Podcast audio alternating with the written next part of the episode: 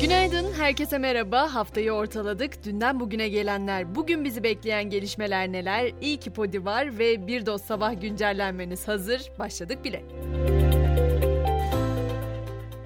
Türkiye gündemini sarsan çocuk gelin olayının ardından mecliste bir komisyon kurulmuştu hatırlayacaksınız. İşte o çocuk istismarının araştırılması komisyonu çalışmalarına başlıyor. İlk ziyaret 6 yaşındaki çocuk gelin olayıyla ilgili incelemelerde bulunmak üzere İstanbul'a yapılacak kamuoyu vicdanını yaralayan bir de kadın cinayeti davası vardı. O davada sil baştan Pınar Gültekin cinayetinde Cemal Metin Avcı'ya verilen haksız tahrik indirimini hukuka aykırı bulan İstinaf Mahkemesi davanın yeniden görülmesine karar verdi. İlk duruşma 15 Şubat'ta. Gelelim zamlar konusuna. Metal sektöründeki 3 işçi sendikası ile işveren sendikası MES ek zam konusunda anlaştı. Bu kapsamda metal sektöründe çalışan 180 bin işçiye %34 ek zam yapılacak.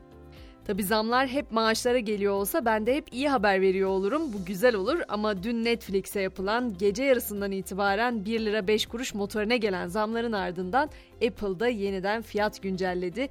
Apple yeni işlemcileriyle birlikte Mac mini bilgisayarını da tanıttı. Fakat bu yeni ürünler tahmin edilebilecek bir sürpriz de geldi.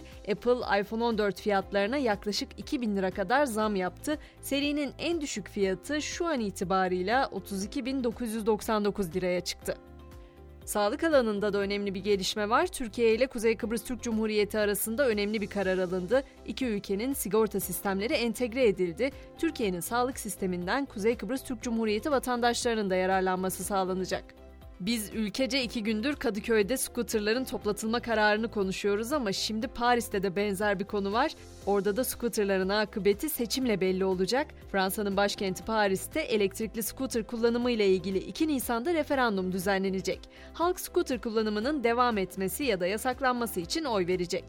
Dünyanın belki de en gergin bölgesi diyebileceğimiz Rusya-Ukrayna savaş hattında neler oluyor derseniz orada da Avrupa Birliği'nden gelen yardımın ilk kısmı ulaşmış durumda. Birlik Ukrayna'ya bu yıl verilmesi planlanan 18 milyar euroluk yardım paketinin 3 milyarlık kısmını gönderdi.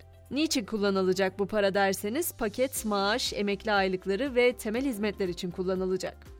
Pandemi başlığını ise her ne kadar yurt içinde hayatımızdan artık çıkardığımızı düşünsek de dünya genelinde konuşulmaya devam ediyor. Çin hala Covid sarmalında mesela ama Almanya Covid-19 tedbirleri kapsamında şehirler arası tren ve otobüslerdeki maske zorunluluğunu kaldırıyor. Ülkede 2 Şubat'tan itibaren maskesiz seyahat edilebilecek. Öte yandan yine Almanya'da iklim kriziyle ilgili bir haberle devam edeceğim. Biz onu Birleşmiş Milletler'deki konuşmasıyla tanıyoruz. İklim aktivisti Greta Thunberg, Almanya'daki bir köyde düzenlenen protestoda gözaltına alındı. Thunberg bir kömür madeninin genişletilmesi için boşaltılan köyün yıkılmasını protesto edenler arasındaydı. Ancak ne var ki bu gözaltına alınma olayı haber olarak düşer düşmez hemen ardından bu gözaltına alınma sürecinin sahte olduğunu gösteren videoların yayılması sosyal medyada daha çok gündeme oldu. Pandemi, savaş, ekonomik kriz, enerji krizi, iklim krizi derken gıda krizini de unutmamak gerek. UNICEF 25 milyon Nijeryalı'nın 2023'te gıda kriziyle karşı karşıya kalacağı uyarısında bulundu. Hali hazırda 8,3 milyon kişinin de yardıma muhtaç olduğu belirtiliyor. Teknoloji sektöründe ise işten çıkarma dalgasının büyüdüğünü söyleyebilirim. Aslında yakın zamanda çalışanlarına sınırsız izin hakkı vereceği yönündeki haberlerle anıyorduk Amerikalı teknoloji şirketi Microsoft'u. Ancak şirketin çalışanlarının yaklaşık %5'ini işten çıkarmaya hazırlandığı belirtiliyor. Bu da 220 binden fazla kişiyi istihdam eden Microsoft'un 11 bin kişiyi işten çıkarması anlamına geliyor. Yeni yılın ilk gününde kar kürerken kaza geçiren ve ağır yaralanan ünlü oyuncu Jeremy Renner'dan da yeni haberler var. Renner'ın yakın çevresi ünlü ismin durumunun söylenenden çok daha kötü olduğunu belirtiyor.